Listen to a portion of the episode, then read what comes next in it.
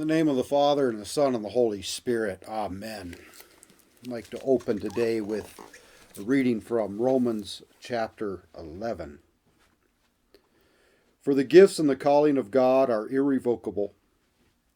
Just as you were at one time disobedient to God, but now have received mercy because of their disobedience, so they too have now been disobedient, in order that by the mercy shown to you, they also may now receive mercy. For God has consigned all to disobedience, that he may have mercy on all. This is the word of the Lord. Thanks be to God. So, um, I am Pastor Bror Erickson here in Farmington, New Mexico, which is uh, where the Four Corners meet. Uh, the border of Colorado, Arizona, and uh, Utah. That's uh, and New Mexico, obviously. Um, been pastor here at Zion Lutheran Church for uh, the last six years, and uh, I have been invited by uh, Luther Study Days in Bergen uh, by Jarle Blindheim to speak about on the freedom of a Christian or the freedom of a Christian in the works of Bo Giertz and uh, or Yerch as uh, it's actually supposed to be pronounced, but us Americans we just butcher names for the fun of it. Um, and uh, I really decided, uh, with that in mind, that I was going to uh, make a video that would plug my latest translation of Bo Giertz, which is Faith Alone uh, a novel that he wrote in 1943, or at least published in 1943. Um, but I think a little bit first off, uh, maybe we need to talk about who Bo Giertz was. Uh, he was a bishop in Gothenburg. Uh, but before that, he was a pastor for 11 and a half years in uh, Torpa, which is in Östergötland um, or East Gothland uh, of Sweden, which is where uh, his two most famous novels uh, take place uh, The Hammer of God in English, Stengrunden in, in Swedish, and Faith Alone, uh, which I have just translated. Uh, briefly, he had been a grew up in an atheistic family, was an atheist for most of his young uh, life, converted, uh, became a Christian uh, while he was in Uppsala, uh, studying to become a doctor, and then switched gears, uh, ended up becoming a pastor in, in the Church of Sweden there. And then he was a, a bishop up until the 1969 he uh, in Gothenburg, Sweden, and then he uh, wrote some stuff before and afterwards. And the reason uh, I've been invited to to talk about uh, these things is really because I've translated a good number of his books, and uh, people think that I know something about his uh, theology because of that on the freedom of a Christian was a work that Luther wrote in 1521, published in 1521. And uh, it's very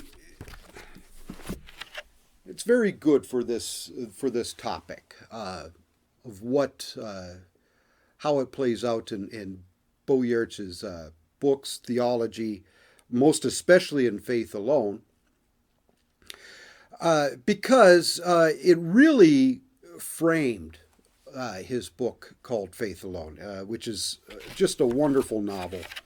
but a little bit about that. In 1938, Bo Giertz became the pastor in a small parish, Torpa, on the border with Småland, uh, Östergötland, uh, however you want to say it. Um, and he was married at the time to his first wife, uh, Ingrid, who he affectionately called Nini. Uh, they had four children together.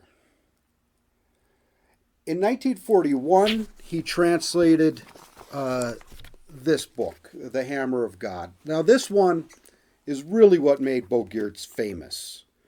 Uh, it was, when it came out, it was translated almost instantaneously uh, throughout uh, Europe. It uh, received early on a, a translation into English. For the longest time, this was about the only book that you could find by Bo in English. When I was a young man studying or thinking about becoming a pastor, my parents uh, met me in, in Rome. Uh, I was in the Air Force at the time, and my dad handed me this book. It was an earlier copy of it that didn't have the, the last chapter in it, actually. Um, this early on, the, the the early translation was actually translated from a, an East German translation. Uh, it wasn't translated from the original Swedish, as far as, as uh, I can tell. Um, but uh, I read it, I think, like pretty much overnight. I just stayed up and, and read the whole thing. Maybe it took me another night to finish it, but uh, it, it was it's a really gripping story and it convinced me to become a pastor. Um, any doubts that I had beforehand were, were gone completely after that. So, but then I, I, I went around and I, I looked for, for more books to read, and I didn't have any. There, there were no, there was nothing. So uh, when I got to seminary, I learned how to speak Swedish and read Swedish anyway, um, and uh, started translating. 1941, he writes this book. What happens after that is in 1942, Ingrid gives birth to Martin, who actually still lives in Torpa, from what I understand, at the parsonage there. And uh, she, uh, because of complications with the, the birth, uh, a few days later, she has basically an aneurysm and she dies. Uh, and that was, uh, as you can imagine, quite a tragic uh, event in the life of, of this man, Bo Giertz. Uh, this is a, a biography, kind of a biography, autobiography, a lot of interviews with him in here um, of his life, the atheist that became bishop. And he relates in here in regards to uh, the death of his wife Ingrid that when he went to visit her shortly after Martin had been born, uh, she had with her her favorite books, and one of them was On the Freedom of a Christian uh, by Luther. The way Bo Giertz says this, I'm led to believe that uh, it was also one of his favorite books uh, by Luther. And uh, it becomes apparent as, as we read uh, Faith Alone that uh, he he used it. Uh, it. It was one of the the books that he used to really frame the narrative uh, that we find in faith alone. That happened in 1942. Faith Alone was then published in 1943. So you get the impression that um, during the Depression that obviously follows uh, the death of a loved one like that, um, Bo Giertz just poured himself into his work uh, as a way of, of combating his own depression. and I'll have to say, if the hammer of God is what made Bo Giertz famous and, and has has kept his his reputation uh, in Lutheran churches and, and far beyond that uh, around the uh, the world uh, up until now, I think his writing was better in Faith Alone. Uh, I find the narrative to be much more gripping I find the characters to be perhaps a little bit more believable. Um, the uh, it, it, and you could tell that he's putting uh, some of his own depression, uh, his own um, dark night of the soul, into uh, the characters here in this book. So on Christian, uh, on the freedom of a Christian, uh, was uh, was really a favorite book of both Bo Giertz and Ingrid, uh, his wife who had just passed, and uh, it becomes the the book that that really helps him write this Reformation narrative. Uh,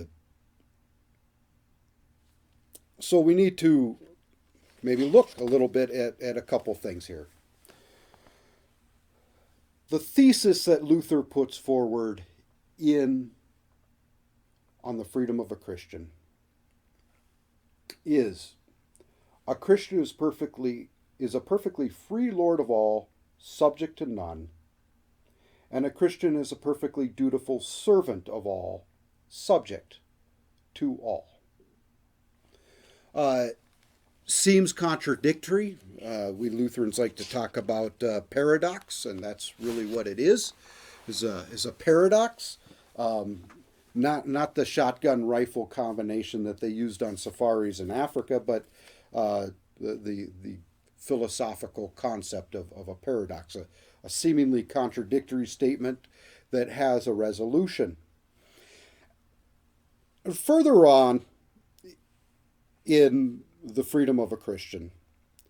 He writes, This is that Christian liberty, our faith, which does not induce us to live in idleness or wickedness, but makes the law and the works unnecessary for any man's righteousness and salvation.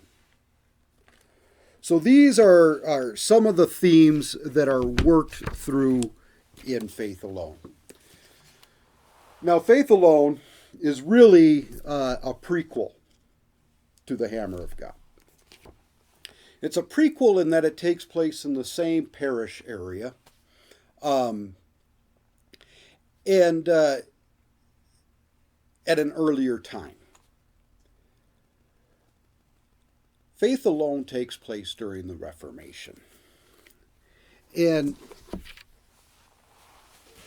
specifically, it takes place between 1541 uh, 1543. During uh, a rebellion, the largest uh, peasant revolt in, in, the history of Scandinavia, is called the Dacke Rebellion. And the Dacke Rebellion was really concentrated in Småland, which was to the south of, of Östergötland. But it broke into uh, the borderlands of, of Ydre and uh, Kinda and Tjust. In these areas, uh, the, the peasants joined with Dacke and they uh, rebelled against the king's reforms. Uh, many of the, the rebellions at this time were about, uh, well, higher taxes. Uh, the king was trying to establish Sweden as a nation. Uh, he needed to pay for uh, a military force. He needed to pay off the, the Lubeckers, who he had uh, borrowed excessively from in order to win independence from King Christian of Denmark. And uh, along with that, he had started to, the king had started to endorse the Lutheran Reformation.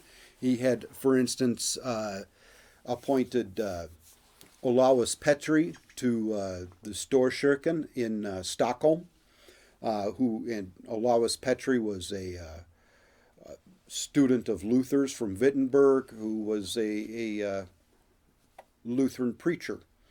Um, the the Lutheran doctrine started to to come down, and it started to uh, influence the king's decisions about how he was going to pay uh, for uh, his nation, how he was going to pay off the Lubeckers and so on. And what he did is he started to confiscate some treasures from the church, uh, things that were used in uh, the Catholic Mass, um, especially like monstrances. But he also took bells and, and uh, whatever he could really sell and make money off of so he could do this. And with that, uh, the peasants were really not happy because now their churches were starting to look barren. Um, and, uh, you know, one of the lines was that uh, it's going to be so nice as to walk in an empty forest to go to church. Um, and they, they don't uh, they don't really appreciate these these reforms. So Dacke, who has his own uh, reasons, he starts killing uh, the sheriffs, uh, the bailiffs, the king's men who who collect the taxes and keep the peace in in the provinces. Um, starts this rebellion in Småland, and it comes up. The story then takes place during this rebellion, and it centers around there's two main characters and a third character that's sort of important to the story. Uh, they they all get introduced early on, but there's there's Anders and there's Martin, the, these two brothers who had been sent to school to become priests. Early on in life, uh, they were like 10, 11 when they went to school uh, in Linköping. So they go there study in, in a, a Latin school to become priests. But what happens is where Anders actually comes to love the faith and wants to become a priest and has no greater joy than to be a priest in, in the Catholic Church. Martin reads some of uh, Luther's works and runs off to Stockholm where he gets under the influence of Olaus Petri.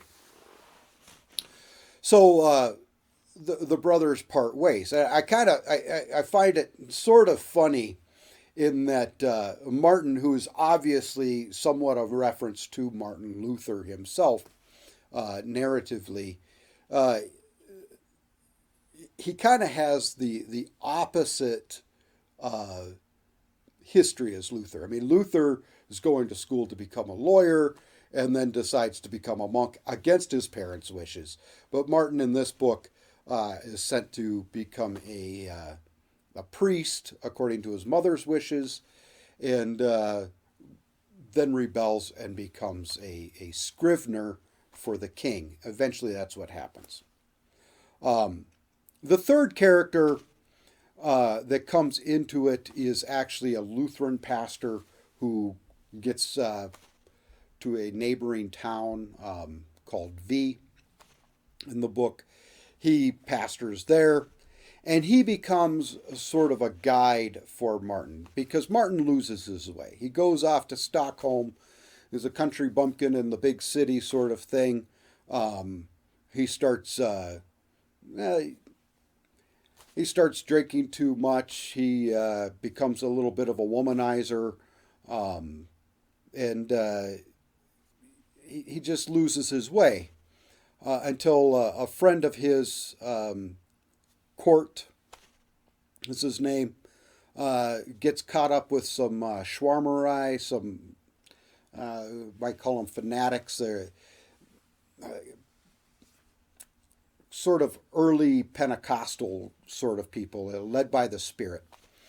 And um, he gets a hold of Martin, starts giving him a lot of law, and this becomes a catalyst in Martin's life. Trying not to give too much uh, of a spoiler alert here. What happens is the two brothers that are separated then, who find themselves on on uh, opposite sides of the battlefield, um, at Screwkaby, which is a uh, the major battle in the Dacke rebellion. What happened there is is Dacke has to, if he wants to his rebellion to be um, successful, he needs to break through Östergötland and uh, get up to the next province, and I'm forgetting the name of it right now, but it's another wooded area like Småland. And there, you know, he could go all the way to Stockholm and take the rebellion straight to the capital. But he's got to get through Östergötland or Eastern Gothland. I'll just try to say Eastern Gothland from now on. He's got to get through there in order to really have a successful rebellion. And the problem is, is Eastern Gothland is is farmland. It's plains. It's open. And you got the the you got the mercenaries from Germany, the the Landsknechts. They're very good at fighting on open ground. They use uh, arquebuses, uh, primitive rifles, uh, formations, and they uh, they're very good in the open ground. And really, you have something that's similar to the American Revolution, in which you know the, the Americans were very good at fighting in the woodlands, but if they really wanted to win the revolution, they needed to be able to take they, they needed to take the king's men in the open field. Um, that was the only way that they were going to get the cities that they needed to conquer and so on, which is why we needed the French help. Um, well, Dacke doesn't get any support. The Emperor Charles V kind of flirts with him a little bit and says he'll give him some support, but he never does. It never materializes. And Dacke cannot then, um, you know, push this forward. So they come to Screwkaby. This is the major battle in Östergötland, Eastern Gothland. They're going to either push through or they're going to lose uh, they lose that battle. Uh, and the rebellion then goes back into Småland. But uh, that battle, the brothers miss each other on the battlefield. Uh, and they miss each other um, in a very dramatic way that I'll try not to, to destroy for you. But that's a catalyst for Martin, in that uh, Martin uh, then goes and joins the Schwärmerei. He becomes one of uh, Court's uh, guys. He's trying to uh, make amends for his life by means of the law. And uh, it becomes a catalyst for, for Anders, the brother, the priest, because he ends up uh, losing the right to be a priest at that battle. He, he kills a man, um, kills several men in the battle uh, before he really he just gets caught up in the battle. Um, and so he becomes a highwayman. Uh, goes out into the woods and uh, you know lives off the land and uh, starts to get involved in in uh, sort of guerrilla warfare. Um, and uh, this is the story. Through it all, I won't tell you what happens, but the brothers do get reunited. Uh, finally, they they they become united in the faith. But there are some very great conversations that then happen uh, between uh, Peter, who is the the pastor in V, uh, and Anders, and Peter and and Martin. He becomes sort of a go between for the two brothers. Uh, one of the things that that is treated in this book then is not only on the freedom of a Christian, but in all of Bo Giertz's novels, there was uh, a a push for liturgical renewal. That was one of the things that, that was really big with with uh, Bo Giertz was liturgical renewal and, and and bringing an appreciation for the historic liturgy of the church to the people. And so we have this one here that kind of treats both subjects. Uh, Peter has gone to Anders. He's trying to uh, find refuge for his wife. And uh, in the meantime, Anders and, and Peter, uh, they celebrate Matins together. So it came that for the first time in many months, Herr Andreas could sing Matins and lauds alternately and correctly in his church. The bitterness and the unease left him. Once again he heard the tranquil echo from the world above, where no complaint or alarm of war would ever be heard again. When they came back out into the sunlight, he said, When was the last time you sang matins? On Sunday, Herr Peter answered. The rector could not hide his surprise. You pray the hours, even though you are a Lutheran? Why not? I learned it in Uppsala from Bishop Lars. In Latin? We sang the hymns in Swedish. The antiphons and responses were in Latin for the most part, but the Archbishop would like to put them in Swedish too. Do you pray the whole divine office? Not all of it. I have other things to do in V. On weekdays, it is at best a few of the smaller hours. I pray most of them on holy days, except for the idolatrous prayers to Mary, you understand. That is cheating, all or nothing. I have all, all that benefits salvation. For you, the hours are good works that you do for God. So you need to stack them up so desperately much, and it is never sufficient. For me, the hours and all other prayers are a beggar's path to a gracious God. It is sufficient if I come forward for grace. Then I have the complete fullness of God in faith obviously, this conversation doesn't convince uh, Herr Andreas or Anders, uh, Martin's brother. But you see here uh, the the difference in the approach to worship.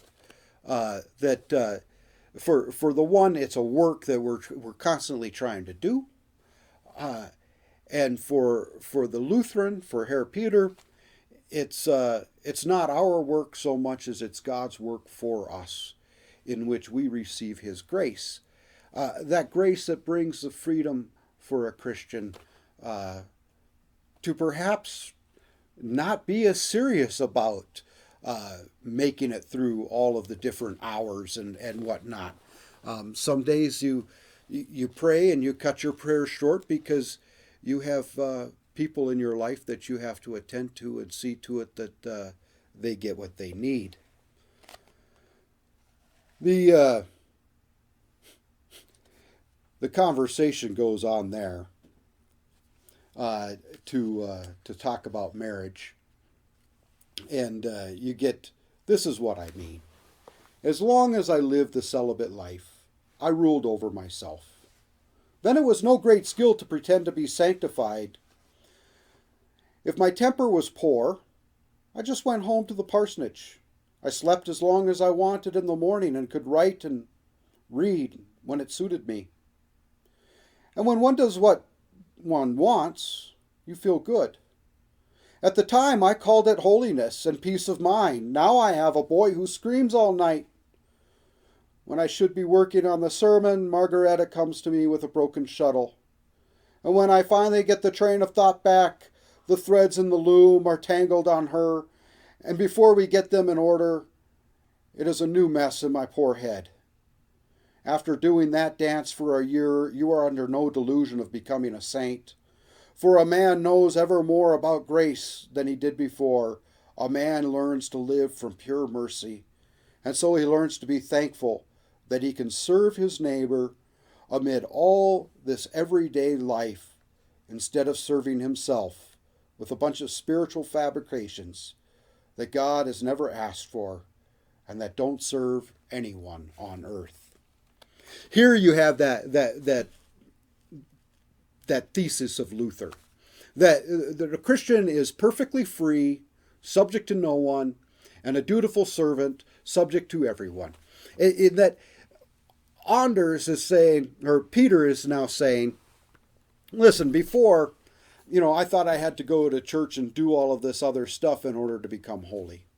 Now I realize I am holy only by the mercy of God, only by the grace of God. And that allows me not to try to earn my own righteousness or my own sanctification, but I can now just serve my neighbor. In this case, his wife.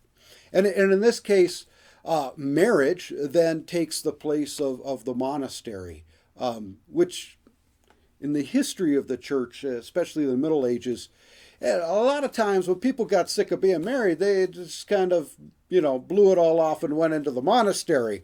Um, and and uh, Peter's saying perhaps it should be the other way around. Um, not sure how much time we have here, but uh, we're we get this conversation now between between Peter and uh, between Peter and Martin later on. Again, talking about uh, worship and and what needs to go on. Now, Peter, we have to realize he's become a, an ultra Protestant. Uh, he sees uh, he doesn't like the liturgy. He doesn't think that the liturgy has any place. He thinks that the robes and all of that need to go. Calm, calm. We have enough ceremonies. but we not believe that they are necessary for salvation? Certainly, we have our old customs if they are not in conflict with God's word. One has to have some type of custom. In such things, God has left us free. But we never say that any works of any type are conditions for salvation. It is the Pope and you Schwärmerei that say so. In essence, you are of the same metal. The Pope says, shave your head and fast on Wednesday and Friday and pray the whole Psalter every week. And then you will be holy and pious. And you say, comb your hair flat and wear gray clothing and pray with your own words, and you will be holy and pleasing to God. But we say the gospel believe in the Lord Jesus Christ, and you will be saved.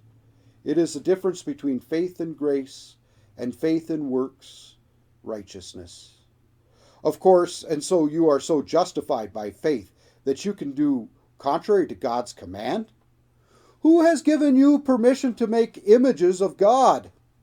Peter answers, God Himself has done that when He let His Son become a man.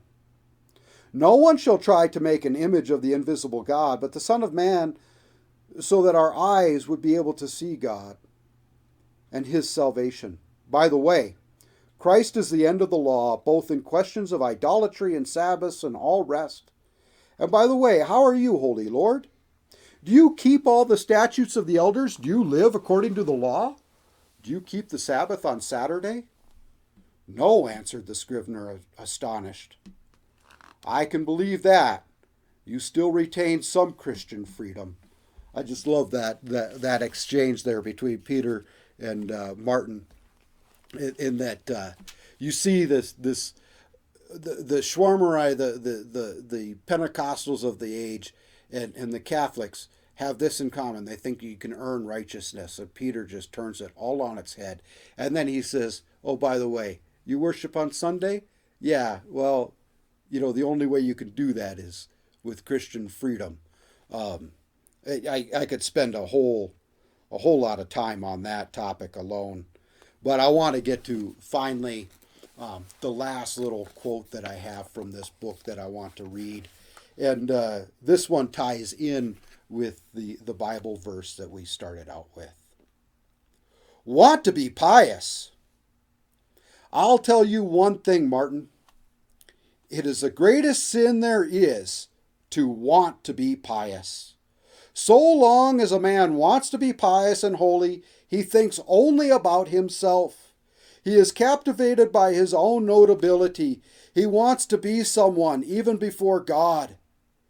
If he does something good for his neighbor, he does it only for his own sake, because he heard that that is what a saint should look like. The whole time he looks out for himself, and the good he does, he gathers it all up together and amasses it like a dragon with his worthless gold in order to have something to praise himself for before the throne of God. This is why God has to make every self sanctified fool into a truly great sinner in order to overcome them. Sometimes he lets them fall into coarse sin. Others he plagues with their sinful depravity until they despair and recognize that they really deserve eternal condemnation. So long as we watch ourselves and want to be holy, we are nothing but coarse sinners, even if we see a halo in the mirror. The worst is that people have such an unbelievable desire to look at themselves. They are normally not cracked before they see that the mask of sin creeps in everywhere, and that they are more loathsome to watch than a decaying dog's corpse on the side of the road. Then they might finally desire to see something different. And then the Holy Spirit will be able to turn their eyes to Christ in earnest. Then they notice that the Savior alone in all the earth can atone for such abominable sinners. Then they think that Christ is the loveliest person there is to look upon, and he who sees him and believes him, he at that moment receives the wonderful gift that only God can give to be able to see his neighbor and discover him just when he needs help. He no longer thinks about doing good deeds, but he does good.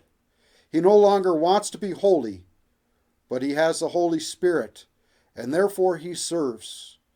He does not see the holy saint before him as a model for how he ought to be, but he only sees the neighbor who suffers need and goes to him to serve him. So here we see how Bo Giertz incorporates the, this theme of uh, a freedom of a Christian, um, which is a freedom not to be a crass sinner, but a freedom to finally look away from some yourself, to get rid of your own selfishness, and to look at your neighbor, because you don't have to do anything to be holy. You are holy, and we see that that uh, here. Uh, this is why God condemns all to disobedience, that he might have mercy on us all, and in that mercy we would find freedom. Peace of God be with you all. Amen.